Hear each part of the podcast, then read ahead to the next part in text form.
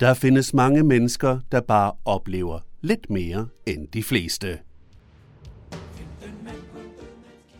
Nå da, tænker du måske lidt skeptisk. Jamen, hvad så hvis jeg spørger dig, om du kan påstå, at du har haft et liv, der har budt på afskillige piratangreb? Hvad med at redde både flygtninge og fiskere i sønød? Kan du så, kære lytter, være med? Nej vel, men det stopper skam ikke her. Den her person kan tilføje ord som Fremmedlegionen, CIA og arbejde som spion, og meget andet til historien om sit livsforløb. For at få et lille glimt af et yderst spændende liv, har vi inviteret denne person i vores studie. Udsendelsen følger her.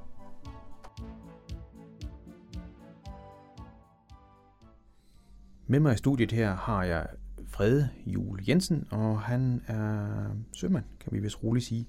Hvis jeg nu starter helt tilbage i, øh, i tidernes morgen, når jeg siger, at der var en knægt, hvordan fik den knægt overhovedet en drøm om at komme ud og sejle? Ja, det er faktisk et, øh, hvad skal man sige, rigtig godt spørgsmål, for jeg aner den dag i dag ikke. Jeg kommer ud fra landet af, min far var skovfod på en gammel herregård, så jeg er født og opvokset ude midt i en skov, og ingen af min familie har nogensinde sejlet til søs, så det var helt ukendt i min familie, der er nogen, der kunne finde på det. Men uh, det har nok læst for mange drengebøger.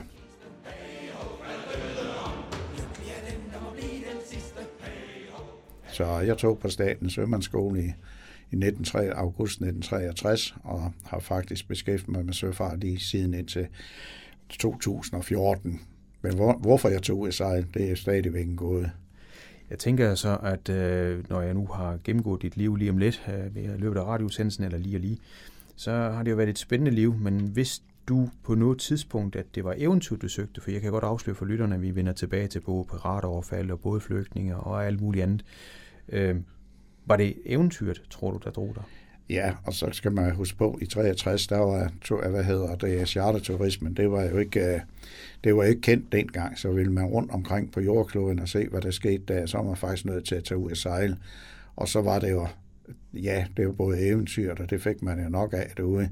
Og så også den romantiske forestilling, der var om søfart, den så jeg sgu ikke ret meget til, men uh, det var, jo, jeg vil sige, at uh, det, har, det har levet op til mine forventninger. Øh, og det er jo forskellen fra dengang og så til nu.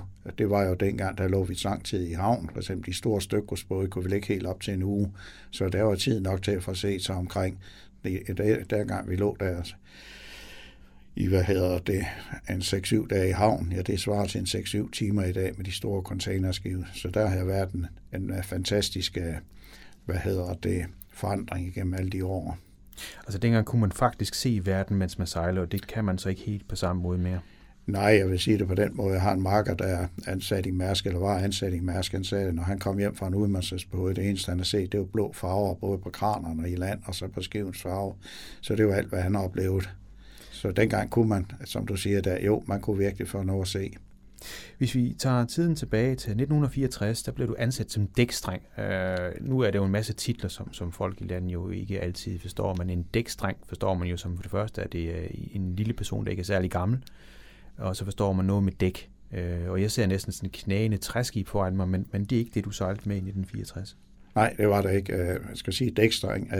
Den titel i dag, der hedder det ubefaren skibsassistent man skulle sejle over som dækstreng dengang, over som jungmand, over som let matros.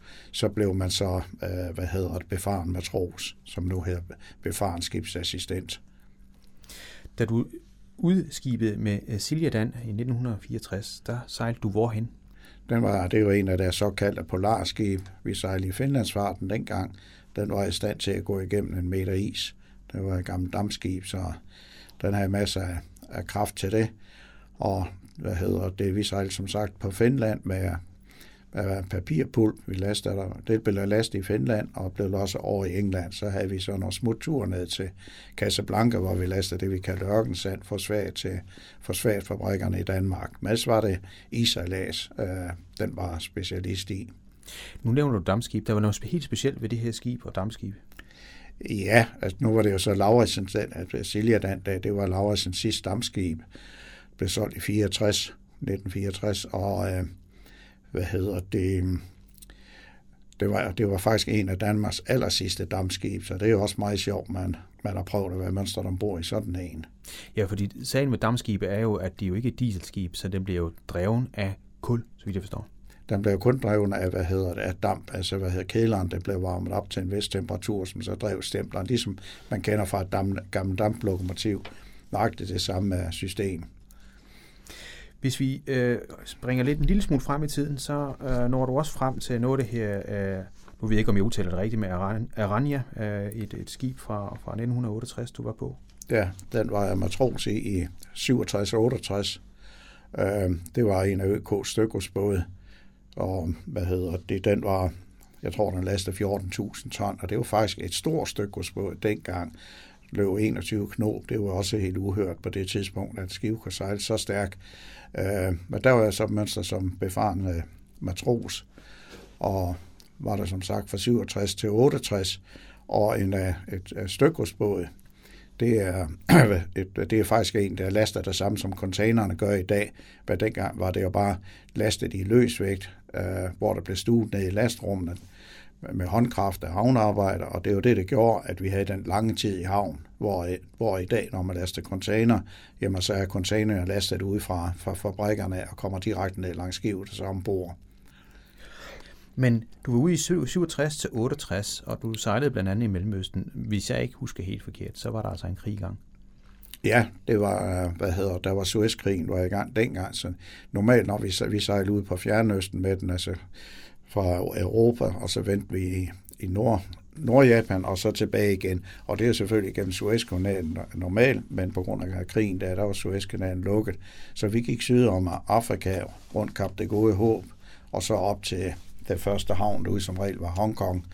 Og øh, der havde vi, jeg tror det var 30 dage, vi havde fra Hongkong til Hamburg for eksempel. Det var lang tid i søen for, for skib, der løber 21 knop. Nu nævner du Kap det Gode Håb. Øh, der er jo Kap Horn, og så er der Kap det Gode Håb, som ligger jo på hver deres kontinent. Altså begge dele er jo sådan lidt legendarisk på den måde at forstå, at der, der, de er forbundet med, med, med store farer og, og, og komme rundt om dem osv. Var du nervøs for det? Nej, slet ikke. Det var et stort skib, det her. Og Kap det Gode Håb, ja, der kan jo rigtig, rigtig dårligt være. Det er rigtig dårligt vejr, men slet ikke, som man kender det fra Kap Horn af. Det, det, var, det var bare sted af Kap Horn. Øh, hvis vi tager et, øh, et lille skub endnu længere frem, øh, fordi der er, vi skal lige skynde sig at sige, at du, altså, når jeg kigger på din liste af, af din, din fartstid, som sådan noget hedder, så har du været på 120 gange, altså har du været øh, indmønstret, og det, det er godt nok mange gange. Så hvis vi hopper frem til 1981, så er du på MS Janne Coast, øh, som sejlede på sydafrikansk rederi Unicorn. Sydafrika på det tidspunkt var altså apartheidstyre osv. Øh, hvordan oplevede du det? Ja, det er altså selve apartheidstyret. Det var en grim oplevelse. Vi havde jo sort besætning ombord, som kom op fra Komorerne, som er en øgruppe, der ligger nordvest for, for Madagaskar. Og den måde nægerne blev behandlet på, det hedder det jo ikke i dag, hvad de sorte blev behandlet på, øh, det, har, det, har aldrig, det har jeg aldrig kunne forstå. Det der, vi havde for eksempel en, øh, en sydafrikansk styrmand, en hvid mand, som prøvede på at overbevise mig om, at apartheid var det eneste rigtige, men det fik han, når man kunne lov aldrig overbevist om. Ja, nu nævner du det her med, at der jo er udlændinge ombord på skibene, fordi det, det er jo noget, der er kendetegn for søfolk, sådan som jeg forstår det, er det her med, at det er jo egentlig meget internationalt at sejle, men man, man er jo ikke kun samme danskere. Nej, bestemt ikke. Jeg har været skipper i flere skibe, og jeg har været den eneste dansker ud af 10 mand. Så det er, det er internationalt i dag. Det har det for øvrigt været gennem snart mange år. De gamle sejlskib og blandt andet uh, international besætning. Der kunne være op til 30 nationaliteter i et skib dengang. Det kan der så ikke i dag, fordi det er den simple grund, at så mange mennesker er væk i skivene mere. Måske lige bortset fra de store krydstogsskibe, men, men det her med at være sammen med, med så mange forskellige, nu nævner du selv, at du har haft en overstyrmand på, som var, som var fra Sydafrika, og argumenterede for, for apartheidstyret, mens du var imod. Normalt så vil man jo ikke øh, kunne forestille sig i dag, at man kunne være i stuen med nogen, der er så forskellige. Så hvad kræver det at være sømand og være øh, på sådan et sted? Jamen, jeg har aldrig haft problem med det. Altså, for det første er jeg absolut ikke racist, og for det andet så øh, må man acceptere andre folks, øh, hvad hedder det, indstilling til ting, og den sydafrikanske styrmand, der er hvid mand, som sagt, jamen, øh, han var jo født og opvokset med apartheidstyre, så han kunne jo ikke se noget forkert i det. Øh, så øh, nej, jeg har aldrig haft problem med, med at sejle sammen med udlændinge. Skal, kræver det en særlig form for tolerance for at være sømand så? Nej, det, ja, det gør det jo på den måde, at vi er jo forholdsvis mange mennesker, der er klemt ind på et lille sted, så et eller andet sted, så, så kræver det jo en vis tolerance. Men uh, jeg vil da sige, selvfølgelig kan folk komme op og skændes, men i mine 51 år, der synes jeg, aldrig oplevet slagsmål og sådan ombord i skibene, så nej, folk de forstår at opføre sig ordentligt. I samme tidspunkt, øh, øh, Frederik Juliansen, der hvor du sejlede med øh, 81, hvis jeg nu nævner noget i retning af Fremmedlegionen, som jo også er sådan lidt legendarisk, som jo meget få også har nogensinde har mødt. Øh, hvad siger du så til Fremmedlegionen? Ja, jeg var jo som mønster i et sydafrikansk skive, øh, rederi til Unicorn i Durban, og vi var i charter hvad hedder, mellem Durban op til Komorerne, som igen er en lille øgruppe, der ligger nordvest for Madagaskar. Og der havde Fremmedlegionen deres egen en afdeling derop, og vi var så beskæftiget med at sejle proviant og forsyning op til dem mellem Durban og derop. Så jeg mødte jo masser af fremlægionærer, og hver gang vi kom derop, der så, så blev jeg så helt som le kommandante. og, øh, men det, det, var, det var nogle flink fyre, du altså, vi, vi havde nogle festlige ture sammen der i byen. Og når vi nu var udlosset deroppe på Komorerne, så gik vi over til Nakale i Mozambique og lastede cement tilbage til Komorerne igen. Og når vi så havde fået cementen i land, så tilbage igen øh, til Durban, hvor vi igen lastede til den næste tur op til Komorerne.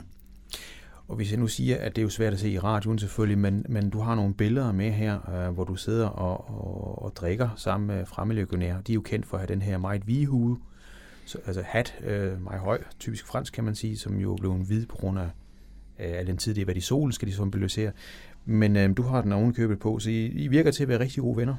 Jo, vi er det fint sammen. Altså, det er som sagt, de fleste af dem var jo, var jo hvad hedder det, ganske normale mennesker, som bare har prøvet at, eller har meldt sig til noget, hvor det får lidt spænding ind i tilværelsen, og det har de sikkert også fået. Men der ser, som sagt, sidder jeg på det ene af billederne med, med en kepi på hovedet, og det er der nok ikke mange, der har prøvet. Dengang var Fremmedlegionen jo også et sted, hvor kriminelle søgte hen. Det skal de skynde mig at sige. Det er der altså ikke i dag. I dag er det en ren elitestyrke, som, som fremmede kan komme ind i. Men, men dengang var der mange kriminelle. Var du ikke lidt nervøs for at møde de her mennesker, som trods alt var trænet til at, slå Nej, jeg var ikke nervøs for det. Jeg tror allerede, da i 81 var man begyndt at sortere lidt i det, altså stærkt kriminelle. De, de var ikke ønsket i Fremmelegionen på det tidspunkt. Der var man begyndt at sortere. Man skal længere tilbage, hvor alle kunne melde sig for at komme væk fra, fra simpelthen hvis de har lavet en mor, eller hvad de nu har hittet på.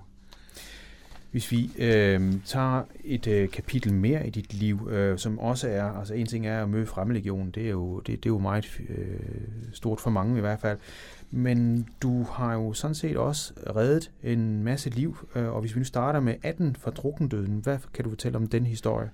Ja, vi var på vej fra, vi sejlede fast mellem Singapore og Maldiverne, og på vej fra Singapore ud mod Maldiverne i Malakkastrædet, der stod jeg op på broen sammen med maskinmesteren og fik en kop kaffe, hvor han siger, at der er sikkert mange træstammer, der flyder i vand der. Og jeg siger, når nu begynder de at vinke til os. så vi kunne jo se, at der var mennesker, der klamrede sig til det der. Der har været stormvejr om natten, så vi fik vores mobbåd, vores gummibåd sat i vandet, sejlede ud og fik fisket alt, alt i alt 18 op. Men da de ikke kunne over engelsk, så var det svært for mig at få dem til at fortælle, om alle var reddet, men der er langt om længe ved hjælp af, hvad hedder det, tegnsprog, så fik jeg forklaret, at vi havde dem alle 18. Så jeg sejlede ind til, øh, til en, hvad hedder det, Sumatra, en lille plads der, og fik en båd til at komme ud og hente dem. Og senere efterfølgende, der fik jeg en takkeskrivelse fra, hvad hedder det, grevinde Ruth af Rosenborg. Og grund til, at hun sendte den, det var, skivet hed Ruth Ries. Og hun var gudmor for skibet. Så hun synes lige, hun vil sende en, en takkeskrivelse for, at vi har fisket de her 18 fisker op. Og dengang, det trak du faktisk også overskrifter i store aviser, at du har reddet de her 18 mennesker. Det er ikke sikker på i dag, at der er så mange, der er så glade for, at man fisker bådflygtninge og så videre op igen. Øh, som, i det, det, det her det var jo ikke bådflygtninge, men var, var nogen, der var kendret og så videre. Men, men øh, hvordan har du det med udviklingen i dag, hvor der er jo mange skibe, der sejler udenom folk, der ligger og, og, og har brug for nød? Jamen, det er jo, det er jo en forfærdelig mentalitet, øh, så jeg har så ikke selv været udsat for det, men øh, øh, det, er, det er så ikke noget, jeg rigtig kan, kan forholde mig til, da jeg ikke har prøvet det. Men igen, altså ligger der folk i vandet der og glammer sig til træstammer, så er det jo en ganske naturlig ting, man samler dem op. Ikke desto mindre, så er der jo nogen, der mener, at du var en held. Blandt andet, som lige nævner selv, uh, så Ruth af Rosenborg, som jo skriver dig et, et fint brev, hvor, som starter med, her kaptajn Frede Jul Jensen, jeg har gennem rædderiet erfaret, at den enestående indsats, de og deres mandskab har udvist osv. osv. Og der skriver hun også, at det kræver beundring og respekt, øh, og hun er faktisk stolt over, at der er mandshjerte i folk, der kommer fra vort gamle land. Altså, det er jo et virkelig øh, fantastisk brev at få ind ad døren. Hvordan har du det med det? Jo, altså, jeg, jeg synes jo, det er, det er meget sjovt at have den. Nu er jeg jo ikke realistisk, men uh, jeg synes, det var da meget skægt lige at få sådan en brev derfra med hendes monogram og sådan noget. Så det, jo, det synes jeg, der var helt fint. Nogle af de ting, som man jo oplever, når man er til søs som dig i så mange år, det er jo, at ikke alting går lige glat altid. Øh, nu nævner du altså, at du har reddet nogen, øh, og det, det gør du også flere gange, og det vender vi også lige tilbage til.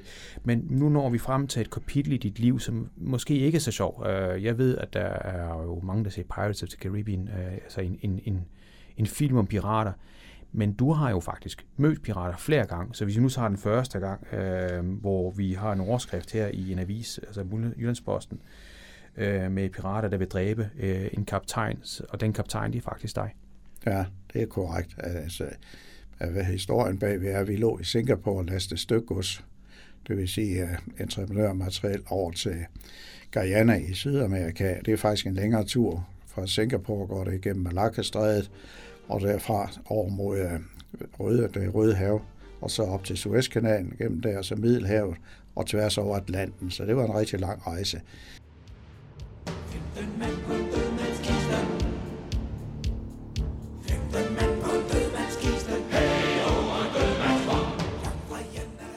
Da vi var gået fra Singapore, der befinder man sig ude i Malacca-strædet, og øh, der var jo så pirat, chance for piratoverfald og risiko for piratoverfald, så vi er ekstra vagt på, alle yderdøre var, var låst spærret af, og vi kommer godt, godt ud af Malacca-strædet og begynder at sejle over mod, mod Sri Lanka, sejlruten syd for Sri Lanka.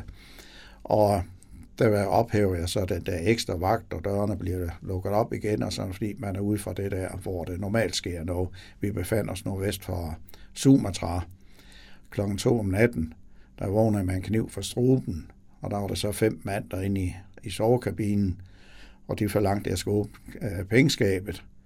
Og øh, jeg var nervøs som bare pokker, så det knev at åbne den. Det var svært nok at åbne nogle normale omstændigheder. Der skulle bruges både nøgle og kode. Men øh, de troede så ikke på det. Så øh, der, hvad hedder det, det altså, var det tætteste, jeg nogensinde har været på at blive slået ihjel, tror jeg da de så, der viser sig, at de har et koben med og brækker det her pengeskab løs. Og de tager så pengeskabet, øh, og øh, hvad hedder det, to mand til at bære det. Og så binder det i mine hænder foran, og vil have mig med ned på agterdækket, og der er jeg jo godt klar over, at hvis jeg kommer derned, så smider de ud over siden, for så er der ingen vidner til, til overfaldet. Så på vej forbi en trap ned til matroserne, der lader mig falde ned med en pirat på ryggen, og han bliver så forskrækket, han farer op igen, og de forsvinder, og jeg løber ind på et matroskammer, og får kaldt op på broen til styrmanden, og jeg siger, vi har pirater ombord. Han siger, bare rolig skipper, de er, de er på vej væk. Jeg siger, jeg skal sgu give dig bare rolig. Så det var en rigtig grim oplevelse. Så det, vi skal lige fortsætte, at skibet er så, så store, som man faktisk godt kan have piratoverfald i gang, uden at de andre opdager ombord? At piraterne kommer jagter fra, når det er mørkt. I speedbåde sejler op langs siden, og så har de krog, ændre krog, som er viklet om med klude, for at det ikke larmer og så er de op på, på skiv, det løber der 0,5. Øh, så det er meget, meget svært at holde udkig hele vejen rundt. Og i og med, at vi havde ophævet øh, det der ekstra vagt, jamen øh, så sejlede vi som normalt. Så. Men Frede Jule Jensen, hvordan er det at komme over sådan noget? Altså en kniv for struben, mens man sover og vågner ved det. En tanke om, at man bliver smidt over bord i, i bulleravne mørke. Det lyder ikke som noget, der er let at komme over. Det var det jo så heller ikke. Jeg tror, der gik et par år, før jeg begyndte at snakke om det og fortælle om det. Så det var ret svært, også i og med, at jeg var den eneste ombord, der oplevede det der. Så alle andre havde jo normalt hverdag bagefter, så det, det var rigtig slemt, det der. Var du sygemeldt? Nej, nej, nej. Det, jeg har aldrig, jeg skal lige nævne, gennem 51 år, jeg har aldrig været sygemeldt. Det her det var så tilbage i 1992, og det skulle ikke være den eneste gang, du møder pirater. Øhm, der er også en her en, en, en overskrift her i et blad, et kulært blad, så vidt jeg kan se måske hjemme, der er noget af den stil. øh, som også beskriver det her med, at du fik en kniv for, for, for struben, men du, øh, og på billedet her, der sidder du sammen med, øh, jeg vil gå ud fra det, din kone, øh, men hun har også været ude at sejle sammen med dig. Ja, og blandt andet i forbindelse med det der, for, på vej der fra Singapore over til Guyana, gik vi ind til Gibraltar og ankeret op der for at få bunkers ombord. Bunkers, det er brændstof. Og der er rederi sendt sig min kone dernede, og hvad hedder det, og tilbød hende, at jeg så tilbudt hende at sejle med over til Guyana, for ligesom at berolige mig en smule, eller hvad man nu kan kalde det. Så hun var med over til Guyana, hvor hun så rejste hjem derfra. Men du har også skræmt pirater væk på et tidspunkt, kan jeg forstå. Ja, der har vi lastet i, hvad hedder det, Luzon på Filippinerne, der vi lastet over til Papua Ny Guinea, og på vej nordom, det man kalder Luzon-strædet, det er strædet mellem øh, Filippinerne og hvad hedder Taiwan. Der kom der en båd op på siden af os, men uh, vi havde så gjort nogle uh, sejlgarnsbomber klar, som vi smed ned i, ned i kanonen til dem. Så det var nok til, at de forsvandt igen. Øhm, det er jo sådan set næsten samtidig med det andet piratoverfald. Altså, kan man ikke få for mange pirater i løbet af et liv? Jo, det kan man helt bestemt, fordi at nu har jeg sejlet meget på Vestafrika også, og det er faktisk det værste sted i dag, hvor det også florerer. Jo, man lige pludselig så man går hen og bliver paranoid. Jeg kan da huske der ude på Østen, at efter piratoverfald, der så man faktisk mere agt ud, end som jeg så frem efter. De her piratoverfald, øh, hvor du også ja, er nogen på flugt, skal jeg skynde mig at sige, det, det trækker igen overskrifter. Du har faktisk været i medierne en del gange igennem dit liv. Øh, og jeg tænker jo, altså, øh, det lyder jo vældig spændende, men, men øh, kunne man ikke godt have været for ugen den slags oplevelser? Jo, men øh, det, det er fuldstændig rigtigt. Men det gælder nok inden for de fleste erhverv. Øh, uanset man sejler eller ej, så har man nok også haft nogle oplevelser, man godt kunne have undværet. Og det her er jo en af dem. Men øh, Øh, hvad hedder det, grund til, at man så fortsætter til søs efter sådan en oplevelse, det er fordi, at i store hele er det jo fredeligt job. Øh, jeg skal lige nævne, at, det, at der var en, et dansk skib, det blev et dansk ejet skib, der blev overfaldet ude på Østen, og der skød man så kaptajnen og overstyrmanden, de var englænder begge to. Øh, og efter den tid der, der begyndte jeg at blive rigtig nervøs derude. Og på et tidspunkt kom vi i charter mellem Hongkong og Haiphong i, i Nordvietnam. Og så tænkte jeg, at jeg skal have et land til at forsvare mig med i, i yderste nødstilfælde, så skibshandleren, som var tidligere Vietkong-soldat, øh, altså fra Nord- Nordvietnam, han skaffede mig så en 9 mm pistol. Den havde jeg så ombord i, i to år, øh, sådan at man i yderste nødstilfælde kunne forsvare sig selv. Men efter to år, hvor man flere gange gik og spekulerede på, kan jeg finde på at skyde på et andet menneske, og det mener jeg så ikke, jeg kan, så jeg smed nu over siden. Men at det gør noget ved en, at man, har, man lever under de der forhold. Ja, jeg skal sige mig sige, at i de danske skibe var normalt ikke bevæbnet, så selv du siger, at du har haft en vagt ombord, det er jo først for nylig, man begynder at se professionelle vagter ombord. Det er jo en folketingsændring. Ja. Så var der altså ikke normalt med bevæbning ombord. Hvorfor egentlig ikke? Hvad var I årsagen til det? Jamen, der er jo, noget, der er jo masser af juridisk, noget juridisk bag ved det der, fordi at uh, det er jo på samme måde, hvis der kommer en indbrudstyv gående op i din indkørsel, så må du heller ikke fare ud og skyde ham. Og vi har det på samme måde der at man skyder jo ikke på mennesker, bare fordi de vil stjæle fra en. Så øh, det, det, er, det er lidt af en balancegang, det der. Hvis vi vender tilbage til øh, måske noget mere glædeligt, kan man sige, i dit liv, i hvert fald, hvor du igen får en, øh, en, en form for, for eller du, du simpelthen er en held, kan man sige, det er bådflygtninge, øh, der er reddet af, af Svendborgs skib, står der her igen i en overskrift i avisen 1994 i morgenavisen, øh, Jyllandsposten, som den hedder i dag. Øh, kan du fortælle lidt om Thor Lisbeth? Thor Lisbeth, den tilhører til at se Svendborg. Øh, og hvad hedder det? Jeg var med den som nybygning i 1994, må det have været. Og øh, vi, kommer, vi, vi, skulle, vi gik over til Miami, hvor vi sejlede fast mellem Miami og Cayman Island øh, ned i Karibien. Og den ene rejse ned, der blev, jeg var på broen, der blev jeg så kaldt op over radioen af, af en båd, der lå øh, i nærheden af os. Og det var så at kubanske bådflygtninge, og de bad om hjælp. Så vi sejlede hen og fik dem samlet op, og så kaldte jeg så Coast Guarden inde i Key West, inde i, i Florida. Og de kom ud og hentede de der bådflygtninge og tog dem med i land. Der var 38 i alt. Den ene var en gravid kvinde med et lille barn ved hånden. Så det var nogle ynkelige skæbner. Ja, fordi vi taler om bådflygtninge i dag, så taler man især om dem her, der kommer fra Afrika og vil over til, til EU. Øh, men der har jo sådan set fandtes bådflygtninge hele tiden, og det her der var så Kuba. Men hvorfor lige Kuba? Ja, altså det er jo det kommunistiske styre, de er utilfreds med, og, og derfor gerne vil til Amerika, så det, det må være det, der har, har drevet dem. Når du hører om bådflygtning i dag, hvad tænker du så? Jamen, det er jo nogle sørgelige skæbner. Det er, det er jo forfærdeligt at skal flygte fra sit eget hjemland, øh, og så på den risikable måde tværs over Middelhavet, som kan være et meget, meget grimt farvand værmæssigt. Så jo, det er, det er noget forfærdeligt, og det er nødvendigt. Ja, nu siger du, at det kan være farligt, men for de fleste af os, der sidder i Middelhavet, det plejer at være sådan noget fuldstændig fladt noget, og vi har en drinks i hånden og, og så videre, vi er i Italien og så videre, men, men sådan er det altså ikke helt som bådflygtning. Nej, det er, hvad hedder det, er altså Middelhavet er meget værmæssigt, specielt i vinterhalvår, er meget uforudsigeligt. Du kan have fuldstændig fladt vand en halv time efter det. Der er det et stort oprørt hav. Så Middelhavet er altså ikke at undervurdere. Øhm, Frede Jul Jensen, du har jo også været med i en, øh, et skib som MS Thor Rikke, øh, og det er jo også i 94. Og der er du på en noget en lang tur, kan man sige.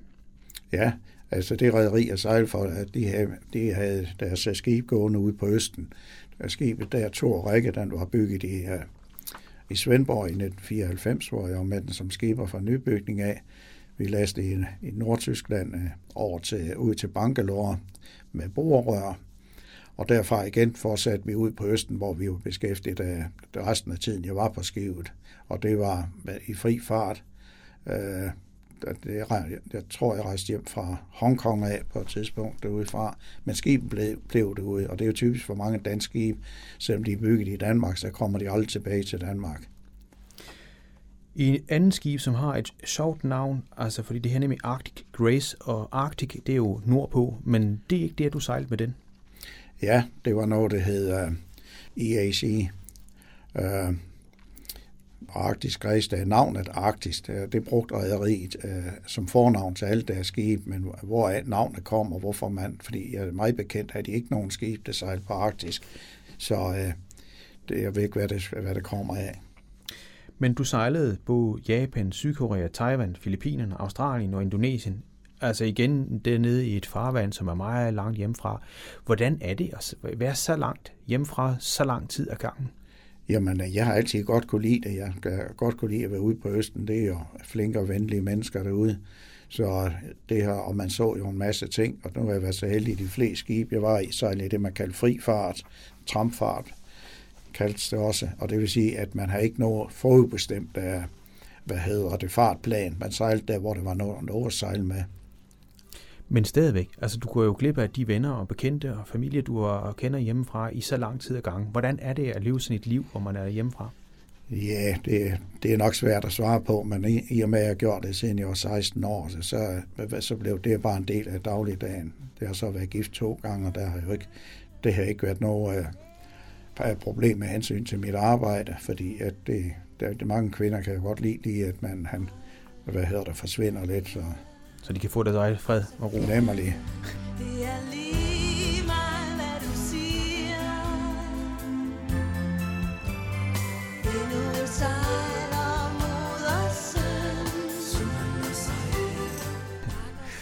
Øh, og det her, det var så i 1999, du sejlede på det her skib og øh, du sejler på mange mellemtiden også, men, men hvis vi springer frem til 2002, øh, så er du faktisk skiftet til årsstyrmand. Du har altså ikke skipper mere, og det ved jeg, fordi jeg sejlede med dig før, at det er jo en beslutning, du tager, at du ikke vil være skipper mere. Hvordan det, og hvorfor? Jo, da på det tidspunkt har jeg været skipper i 35 år, og øh, der synes jeg, nu kan det være nok. Og det, øh, men grund til, at jeg tager beslutningen, er det rederi, jeg sejler i, når det hedder Pep Shipping i Søborg, øh, da redderen døde, og enken, enken beslutter sig til at sælge skibene. Og så stod jeg uden arbejde, og hvad skal man så? Jeg var 60 år, jeg kunne så have gået på efterløn, men det synes jeg ikke, at mit temperament det passer til. Så jeg tog et afløset job ned på Årefærgen som skipper dernede. Og, øh, men det var lidt for kedeligt. Syv minutter den ene vej, syv minutter den anden. Så det opgav jeg, og så søgte jeg så ind til et slævebådsrederi af Svendborg og Buxer, som er som styrmand i en af deres slævebåde. Den hed Vestsund, og den var jeg så i fem år. Og det er et andet skib, som du også sejler med, det er MS Karin, øh, og det er noget med en masse container. Ja, så... Karin B, ja, det, det, er så, øh, det er så det der Søborg Rederi Pep Shipping, og der gik vi på Vestafrika, altså fast ned på Vestafrika. Vi, vi var i charter til Mærsk, og vores udgangspunkt, det var, eller basishavn, det var øh, Abidjan på Elfenbenskysten, og så øh, sejlede vi rundt til de forskellige havne og afleverede de container og lastede container igen. Det nordligste vi var, det var Dakar i Senegal, og det sydligste, det var Luanda i Angola, men der sad vi hele kysten rundt, Nigeria, Benin og hvad det ellers hedder dernede af. Men de her container, du, talte, du startede jo faktisk med at sejle stykgods, og nu kan jeg se de her container. I dag, der tænker vi jo, der, fandt, altså, der altid fandtes container, men det er jo noget nyt.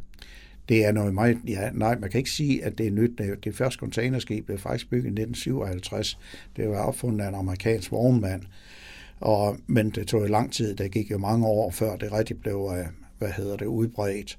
Øh, men det, det er faktisk en gammel opfindelse. Man kan sige, at det danske rederi, DFDS, har brugt systemet i mange, mange år. De havde nogle store trækasser, hvor de har kørt med noget, der hedder dør til dør service, og det vil sige, at de her kasser, de var lastet, når de kom ned til skibet. Og øh, hvad hedder det, og blev så afleveret i havnen og kørt ud, hvor de skulle til. Så det var en forløber for det, man kaldte uh, containertrafikken. Men det er jo så ikke de standardmål, som man kender i dag. Men hvornår kommer containersalasen sådan for alvor frem? Det gør den i uh, slutningen af 60'erne. Uh, der begynder man rigtig med, med altså kun containerskib. Før var det jo halvt containerskib og halvt uh, stykgodsbåde til at starte med, men i slut 60'erne, der, der havde man decideret styk, eller slutrol, der havde man decideret uh, containerskib. Jeg kan sige på alle de skibe, du sejler, der er ikke nogen tankskibe imellem. Hvordan kan det være? Det har altid sagt, det er under min værdighed at sejle i tankbåd, men det er nu kun mest for sjov. Nej, jeg ved ikke hvorfor. Øh, for så har jeg prøvet alverdens øh, forskellige typer af skib, men uh, tankbåden har jeg aldrig havnet i. Men de, hvis jeg nu siger, at dit lange liv har både medført piratoverfald, du har reddet flygtninge fra, fra bådflygtninge, at du har samlet fiskere op, du har været sammen med Fremmedlegionen, men der var også noget med CIA. Ja, vi lå ude i Singapore. Singapore var vores basishavn, som man kalder det. Rederiet havde deres eget kontor derude. Så når vi var færdige med en rejse, og der ikke var nogen, nogle rejse lige på trapperne, så gik vi til Singapore, så droppede vi anker der, og så ventede vi på det, man kaldte ordre, altså på den næste rejse.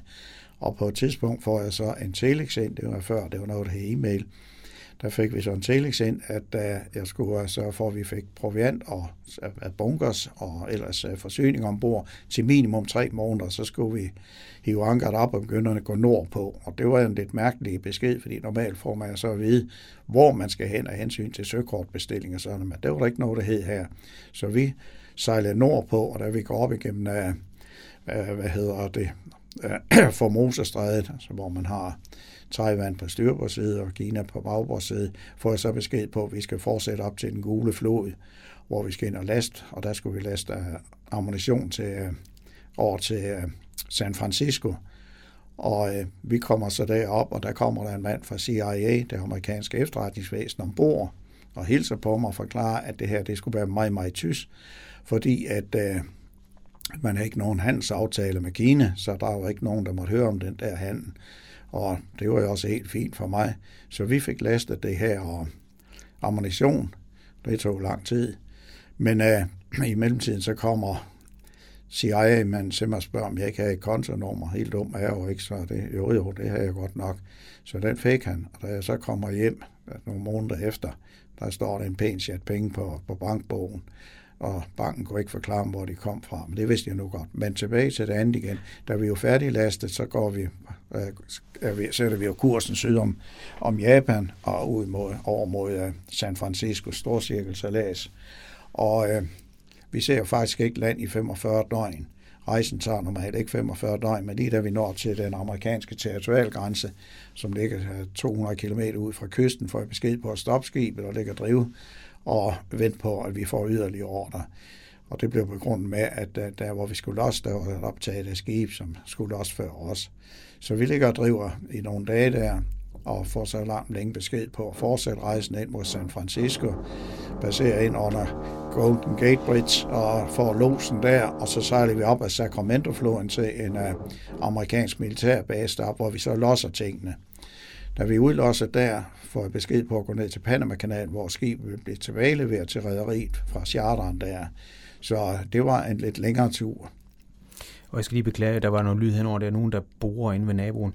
Øh, og det du så også oplever, det er jo ikke kun CIA, du har jo også haft fingrene, om at så at sige, eller oplevelser med det, øh, det danske efterretningstjeneste. Ja, dem har jeg arbejdet for i fire år, hvor det gik ud på, at de steder vi kom, altså øh, specielt ude på Østen, skulle jeg tage billeder i havnene og skrive rapporter over det, jeg har set, og når jeg så kom hjem, det tog, øh, der, der var udmønstring seks måneder, så efter seks måneder, så stillede der jo en fra Forsvars efterretningstjeneste hjemme med mig. Det var meget, meget tysk tysk. Jeg kan huske, at han kom øh, den ene gang, øh, havde han en motorcykel, kom han kørende på en motorcykel, så en bil, og så en pick-up. Og så siger jeg til ham, øh, hvorfor han kom i så mange forskellige køretøjer. Jamen, siger han, så det var for naboen ikke skulle få mistanke om, at det var, hvad hedder det, at det var noget fordækt i det her. Og jeg tænkte jo, at seks måneder, så må ikke de have glemt, hvad det holdt der udenfor. Men han kom så og fik de rapporter, jeg har fået lavet, og jeg var meget glad for det. Og øh, ja, det, det var, der var jeg så med i fire år til, til det der, men efterhånden blev jeg lidt træt af det. For det første er det ikke helt risikofri rende at tage billeder i de forskellige havne. Og øh, vi har efterhånden også fået så meget papirarbejde ude i skibene, at der var ikke tid til at lave den slags, så det slap jeg. Men hvorfor gjorde du det i første omgang? Ja, men altså, man bliver, da, da de er, hvad hedder det, over besøge mig for, for mig til det her, så får man jo at vide med fædrelands kærlighed og meget andet. Så jo, så lød det også lidt spændende at arbejde for efterretningstjenesten. Men det er noget, jeg absolut ikke kan bevise. Jeg fik et, øh, jeg fik et øh, kodenummer, som, og det var, nok, det var godt nok ikke 007, men uh, den skulle jeg bruge i tilfælde af, at jeg ville kontakte dem. Jeg fik et telefonnummer, og fik jeg så at vide, men man, jeg kommer heller ikke længere end til det der telefonnummer. Jeg kommer ikke i forbindelse med, med hvad hedder det, kun hvis de, uh, hvad hedder det, vil mig know, jeg, jeg skulle da være med at kontakte dem. Så det var sådan med blå briller og vatskæg. så du har også prøvet at være spion, om man så at sige. Ja. Øh, og i dag, hvis vi springer frem til i dag, øh, Fred Jule Jensen, jeg ved jo, du faktisk stadigvæk sejler en gang imellem, men de er ikke på containersalas. Nej, det er så, hvad hedder det, ligger nogle år tilbage nu. Nej, jeg øh, hvad hedder det, har sådan et afløset job en gang imellem på et gammelt uh, øh, træskib, der hedder Frem, en galease, som sejler ud fra Kolding af. Og der er jeg nede som det, man kalder bedstmand, også kaldt styrmand. Så der er jeg nede en gang imellem, når de har brug for en, men absolut kun på reservebænken. Du har sejlet nok? Jeg har set vand nok.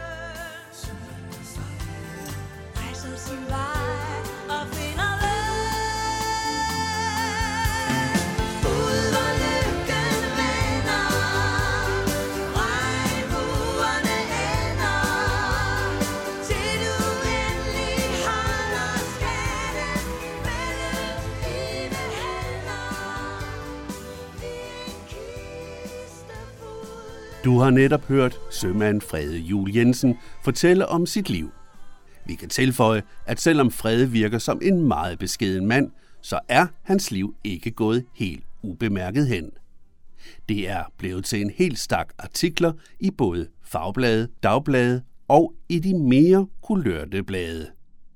For eksempel kunne man med fede bogstavstyper den 26. maj i 1989 læse den her overskrift i BT. Dansk kaptajn redder 18 fra drukkendøden. Som du har opdaget i løbet af udsendelsen, var den her historie blot en blandt mange i Frede Jul Jensens liv. Det var alt, vi havde på tapetet for denne gang. Det var journalist Jan Simmen, der interviewede, mens det var Radio Mælkebøtten, der producerede udsendelsen. Mit navn er Kim Matar Bundgaard, og jeg siger på genhør næste gang, vi igen har en spændende historie på programmet.